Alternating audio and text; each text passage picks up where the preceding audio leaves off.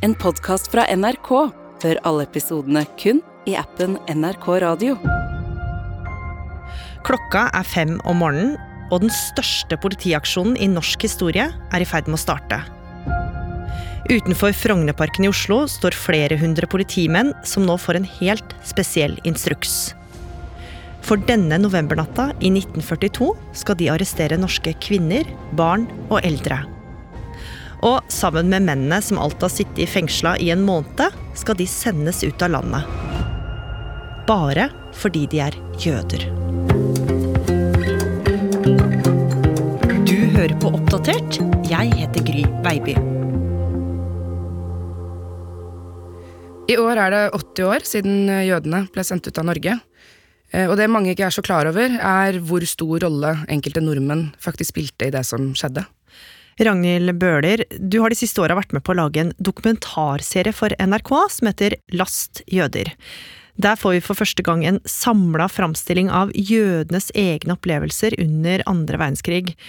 Og jødehat er jo noe som har fått mye oppmerksomhet i det siste.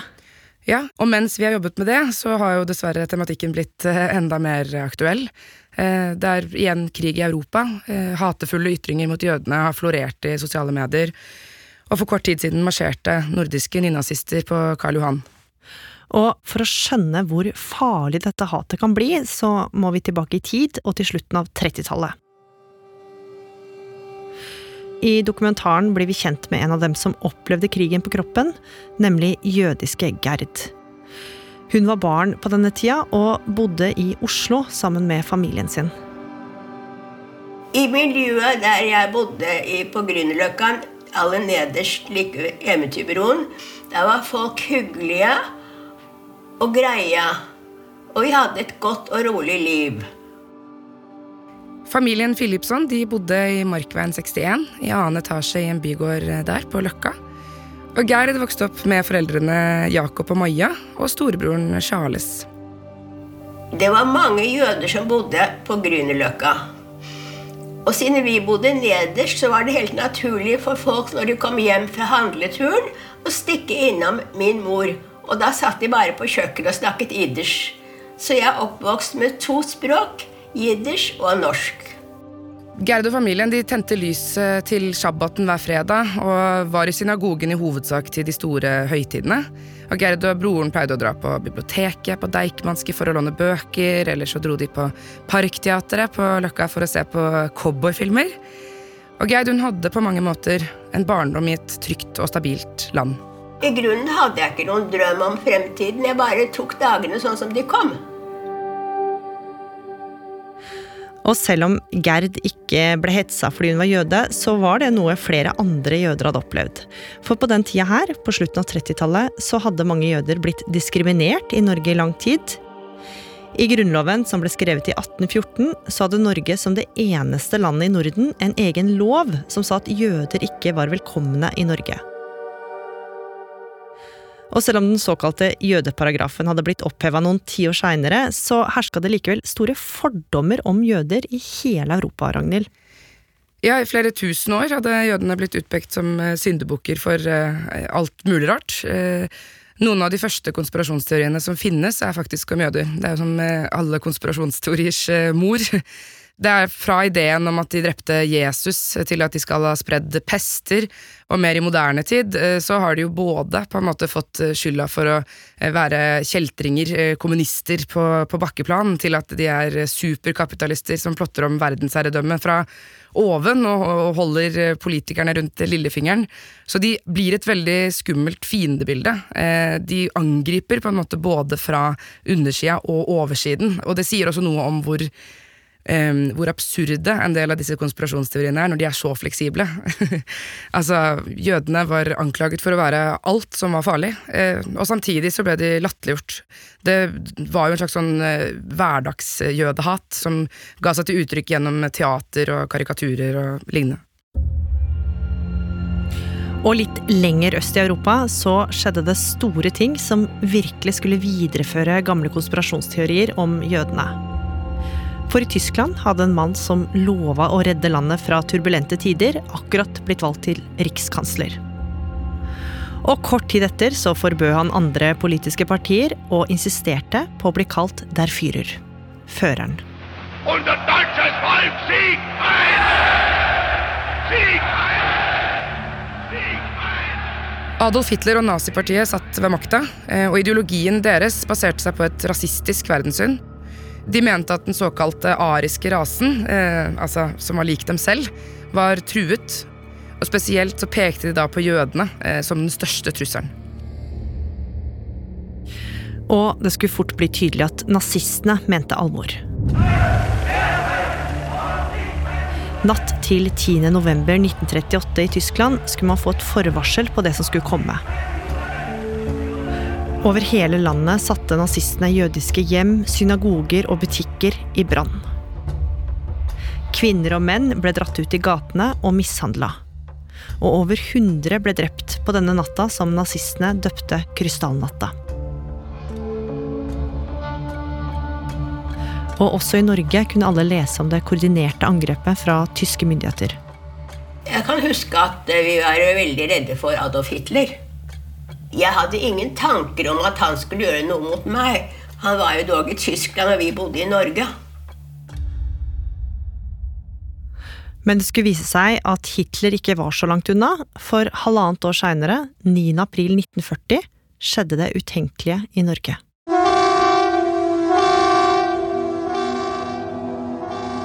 Jeg husker 9. april. Det var midt på natten, og sirenen gikk. Alarmen. Og jeg våknet ganske raskt og undret hva som skjedde. Og min mor sa at eh, det er krig i Norge, og vi må gå i um, bomberommet. Det var et lite bomberom i huset ved bak oss. Over hele landet satt folk klistra til radioen og fikk med seg at det Norge de kjente, var endra over natta. Here is Norway is at war with Germany. Vidkun Quisling, den norske regjerings nye sjef, gir nå en erklæring til det norske folk. Enhver embetsmann og andre stats- og kommunale tjenestemenn i hær, marine, kystartilleri og luftvåpen er forpliktet til å lyde ordre utelukkende fra den nye nasjonale regjering. Enhver avvigelse herfra vil medføre det alvorligste personlige ansvar for vedkommende. Og Ragnhild, nå skulle livet til den nå ni år gamle Gerd bli totalt forandra. Ja, Gjennom vinduene fra leiligheten så kunne jo Gerd nå se et helt annet Grünerløkka, med nazister som eh, marsjerte opp og ned i gatene og sang. Og snart så skulle barn som Gerd over hele landet få en helt annen hverdag. Selv om du hører det, så skjønner du det ikke. Du skjønner ikke hva det vil si, for jeg hadde aldri opplevd noen krig før. Visste ikke hva det ville si at Norge var i krig. Og den neste tida så begynte hverdagen til de norske jødene å forandre seg gradvis. Noe av det som skjedde, var at de måtte møte opp på den lokale politistasjonen for å få passene sine stempla med en rød J for jøde. Og like etter ble de bedt om å fylle ut et spørreskjema, hvor de måtte svare på en rekke spørsmål om hvor de bodde, hvor de jobba og hvem de var i slekt med. De fleste jødene de gjorde det de ble bedt om, for de hadde jo tillit til politiet, mens det i virkeligheten var nazistene som sto bak. Og de neste månedene så skulle det gå fra vondt til verre. I Trondheim så hadde det vært eh, en rekke sabotasjeaksjoner utført av motstandsbevegelsen, som jødene da eh, fikk skylda for. Og da ble alle de mannlige jødene arrestert og sendt i fangeleir. Og kvinnene, de jødiske kvinnene de ble satt i husarrest sammen med barna sine. Og Foreløpig så var jo disse arrestasjonene veldig lokalt i Trondheim, men likevel så begynte ryktene å gå om at jødene kunne være i fare. Man hadde allerede hørt om at jøder hadde blitt drept i Europa, eh, men mange hadde nok vanskeligheter for å tro på at det kunne skje i Norge. Og Ryktene om det som hadde skjedd i Trondheim, nådde sannsynligvis faren til Gerd, eh, for han gikk i dekning. Og det skulle vise seg å være lurt. For 25. oktober 1942 så fikk alle politistasjonene i Norge et telegram fra statspolitisjefen Carl A. Martinsen, hvor det sto at alle mannlige jøder over 15 år som hadde J i legitimasjonskortet sitt, skulle arresteres dagen etter. Ja, 26. oktober 1942 så ble det igangsatt en politiaksjon over hele landet. Og denne dagen så ble flere hundre jødiske menn tatt til fange og sendt til fangeleirene Berg i Vestfold og Falstad utenfor eh, Trondheim. Og Samtidig så fikk jødiske kvinner beskjed om at de måtte møte opp på sin lokale politistasjon hver dag eh, for å forsikre seg om at de ikke rømte. Og Prøvde de på det, så fryktet de jo at eh, de ville ta livet av mennene deres, som jo da allerede var arrestert. Og det var tydelig at arrestasjonene var del av en mye større og kalkulert plan, for nå ble også en ny lov innført. Alt jødene eide, sto nå staten fritt til å kunne overta. Og nøyaktig én måned seinere så kom de etter kvinner og barn også. I novembermørket, midt på natta, rulla 100 drosjer mot Vigelandsparken i Oslo, mens 300 norske politimenn gjorde seg klare for å gå fra dør til dør for å arrestere norske jødiske familier. Og det at det var lokalt politi som kom for å arrestere jødene, var ikke tilfeldig. For dette var mennesker de kjente og stolte på. Over hele landet skjedde det samme. Grytidlig på morgenen 26. november, klokken var vel litt over seks, så ringer det på dørklokken. Og min mor åpner, og inn kommer to menn, sivilkledd, og forteller at vi skal deporteres. Vi er under arrest. Og min mor spør hva skal skje med oss. Og da får hun ingen svar, bare at vi skal deporteres. Og at hun skal pakke mat og klær for noen dager. Men vi får ikke vite hva som skal skje med oss, eller hvor vi skal. Noen timer seinere kom en drosje for å hente Gerd og familien. De gikk ned trappeoppgangen og ut av porten, og der sto flere titalls mennesker, naboer og venner som gråt. De hadde fått med seg at de skulle arresteres, og hadde kommet for å si farvel. Og blant dem, helt bakerst, sto Gerds far, som var i dekning og risikerte alt for å se familien sin før de ble ført vekk. Ti år gamle Gerd fikk øyekontakt med han før hun satte seg inn i drosja. I bilen er det helt stille. Ingen sier noen ting. Men det er liksom akkurat da det skjer, for når vi var hjemme hos oss selv, så var vi liksom hjemme. Men straks vi setter inn i drosjen, det er jo da det går opp for oss at nå skal vi deporteres. Det var en grå og regnfull dag i Oslo, og drosjene kjørte skytteltrafikk mellom jødiske hjem og kaia på Vippetangen, hvor det tyske store lasteskipet Donau lå ankra opp. Så kommer vi kjørende, og før man kommer til båten, så er det en sperring. Av sånn uh, metallnettingsperring med en åpning. Og idet vi kjører gjennom denne åpningen, så roper min tante ut 'Shma Israel'. Hun retter armene sine mot himmelen som hun snakker til Gud, og roper 'Shma Israel'. Og det er en jødisk bønn. Og min mor svarer henne på iders 'Jetzt seinen wir in Gottes Hand'. Nå er vi Guds hender. Gerd grep tak i dørhåndtaket og gikk ut av bilen. Så skjedde det noe som skulle endre livet hennes. For mens de gikk i retning av båten, så ble de stoppa av en tysk soldat. For det viste seg at gangbroa til skipet hadde akkurat blitt heist opp, og båten var like ved å forlate havna. De var kommet for seint. Og like etter seilte Donau ut i Oslofjorden, uten Gerd og familien. Om bord så var det jøder fra hele landet. Det var 286 menn, 186 kvinner og 57 barn. Og i skipsprotokollen til Oslo havn så sto det oppført under Donau 'Last jøder'. Og jødene om bord i Donau de visste ikke hvor de skulle. De tenkte kanskje at de skulle til Nord-Norge, hvor en del politiske fanger hadde blitt sendt til arbeidsleire tidligere. Men Donau seilte mot Europa. Og etter fire døgn så ankom de den polske byen Stettin, Og her ble de sortert alfabetisk og stuet inn i togvogner som var ment for eh, kyr.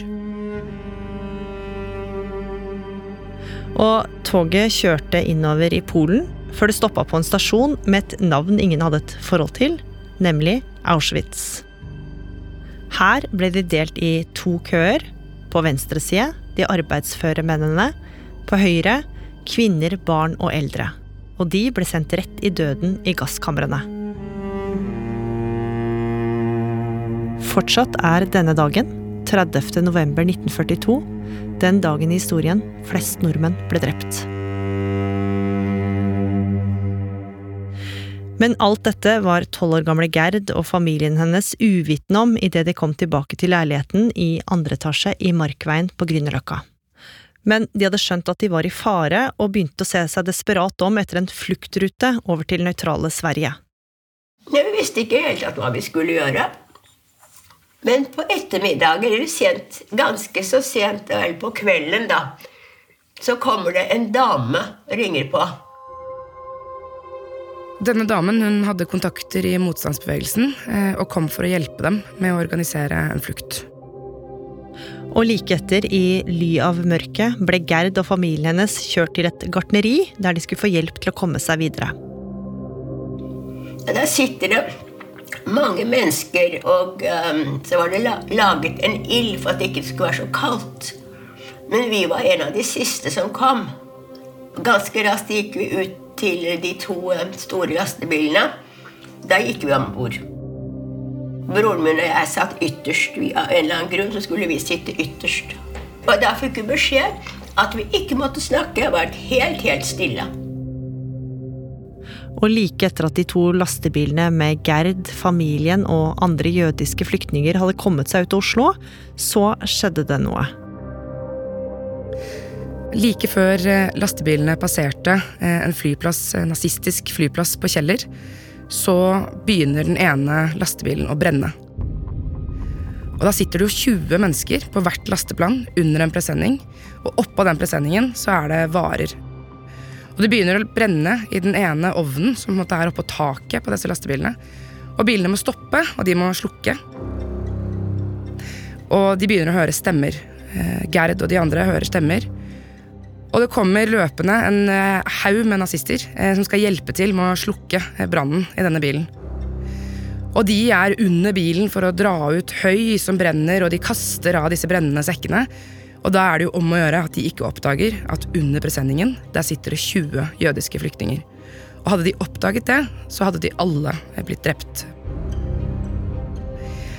Men sjåføren han klarer å snakke de av, og de får lov til å kjøre videre. Og hele tiden eh, så sitter da denne sjåføren på vei til Sverige og må passe på at det er småtegn i veien eh, som folk i motstandsbevegelsen da har lagt ut. Det kan være f.eks. greiner i kryss eller en eh, kongle midt i veien. Og det er det som på en måte forteller han om det er trygt å kjøre videre eller ikke. Og denne turen så gikk det heldigvis bra. For Gerd og de andre flyktningene kom seg over til skogen like ved svenskegrensa. Og der gikk de resten av turen til fots i mørket. Det var en rydning i skogen som var så tydelig hvor det var Sverige og hvor det var Norge. Og det var snø, og det var rim, og det var kaldt, og det knaket under bena, og det bet i kinnene. Det spilte ingen rolle, for vi gikk for livet. Det spilte ingen rolle at det var kaldt. Jeg tittet hele tiden på trærne og tittet om det spratt fram en tysk soldat med gevær og skjøt oss. Og da jeg krysset den rydningen og var i Sverige så trodde jeg at jeg var blitt vektløs. Og jeg tar hånden min ut for å holde meg i et tre, for jeg trodde jeg skulle lette. Så det viser bare at jeg må ha vært utrolig redd hele tiden. Og da jeg gikk over grensen, så forsvant alt det. Først da visste jeg hvor redd jeg hadde vært. På vakt og redd. Så nå var Gerd og familien hennes kommet trygt over til Sverige. Og her gikk hun på skole og levde i trygghet sammen med andre norske familier som hadde flykta under krigen. Men rett etter at krigen var slutt, så skulle 14 år gamle Gerd se noe hun seint ville glemme på kino i Sverige. For før kinofilmen begynte, så ble det vist nyheter. Og denne dagen så kunne hun se bilder fra konsentrasjonsleirene i Polen. Da Auschwitz ble befridd, så ble det tatt bilder av menneskene og området. Og det var et ubeskrivelig sjokk å se. Menneskene var jo blitt til noen uh, var jo ikke mennesker lenger. Det var, det var, jo, det var jo levende skjelett. Av de 773 norske jødene som ble sendt til konsentrasjonsleire, overlevde bare 38. Og av de åtte som valgte å vende hjem, var det helt uten hjelp fra norske myndigheter som ikke ville bidra. Når Gerd og familien vendte hjem igjen, så var det et helt annet land de kom tilbake til. Mange hadde fått bøter for ubetalte regninger og skattekrav for tida de hadde vært på flukt eller i konsentrasjonsleire. Og leiligheten i Markveien var fullstendig rasert, og generelt så møtte jødene liten forståelse for det de hadde vært igjennom. Nordmenn flest var jo i gledesrus over at krigen var eh, over, eh, og den eh, overordnede holdningen i hele landet var på en måte at alle hadde vært i krig, og alle hadde lidd tap. Jødene møtte liten forståelse for at deres erfaringer var helt vesensforskjellige fra andre nordmenns. Og de neste åra så var det et rettsoppgjør i Norge. I Landsvik-oppgjøret så skulle alle som hadde begått krigsforbrytelser, straffes. Ja, og Det sto jo flere på tiltalebenken for å ha hjulpet tyskerne, og mange ble dømt for landssvik. Men arrestasjonen av jødene ble viet en beskjeden plass eh, i det totale rettsoppgjøret, og flere av nøkkelpersonene som var involvert i deportasjonen av jødene, både nordmenn og tyskere, ble frikjent eller fikk milde dommer eh, for sin rolle i deportasjonen av jødene. Og Knut Rød, han som hadde hovedansvaret for arrestasjonene i Oslo der Gerd ble arrestert, han ble blankt eh, frifunnet.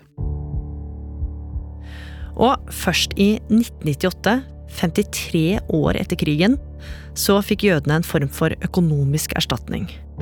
Jødene her i landet skal få en erstatning på til sammen 450 millioner kroner for tap de led under krigen. Rundt halvparten av pengene skal avsettes til et kollektivt oppgjør, og inntil 200 millioner kroner skal brukes til individuelle erstatninger. Nå vil det bli utbetalt 200 000 kroner til dem som fikk inndratt eiendeler og formue av okkupasjonsmyndighetene. Og i 2012 så kom det en offisiell beklagelse fra norske myndigheter. I år er det 70 år siden Donau kastet loss fra denne kaia og la ut på skammens seilas. Jeg finner det i dag riktig å uttrykke vår dypeste beklagelse over at dette kunne skje på norsk jord. Men tankegodset fra den gang, altså antisemittisme, hat mot jøder, det eksisterer fortsatt i dag. Som flere i Steinkjer sikkert har sett, er det igjen tagga hakekors og skrevet hatefulle ytringer under Steinkjerbrua. Når jøder i Norge sier at de føler seg utrygge, så må man ta det på alvor. Det er Norges ansvar, det er ikke jødenes ansvar. Recording artist Ye, formerly known as Kanye West, have sparked concern once again about the rise of anti-Semitic rhetoric and the real-world consequences. Det brøt altså ut slåsskamp mellom politiet og nynazister fra den nordiske motstandsbevegelsen i eh, Oslo sentrum i dag. Og overraskende nok, vil jeg si, at veldig mange av de tingene som nå liksom spys ut på sosiale medier, er veldig mange av de samme type absurde teoriene eh, som man kom med eh, før krigen. Jeg synes Det er helt sjokkerende at de holdningene og stereotypiene mot jødene som førte til den største folkemordet i vår historie, ikke forsvant med Hitler. Og det sier meg at da kan vi ikke den historien her godt nok. For om vi virkelig kunne det, så burde vi for lengst skjønt hvor farlig det er å skille ut én gruppe i samfunnet og se på den gruppen som noe annet enn flertallet. Jødene levde et normalt, beskjedent liv betalte skatt som alle andre, gjorde dagligdagse ting, levde vanlig. Å være jøde i dag, så må vi jo bare se at det er folk som er antisemitter. Og hvorfor de er det, det vet jeg faktisk ikke. Og hvorfor man ikke kunne vedkjenne seg jøder som alle andre, det er jo for meg helt uforståelig.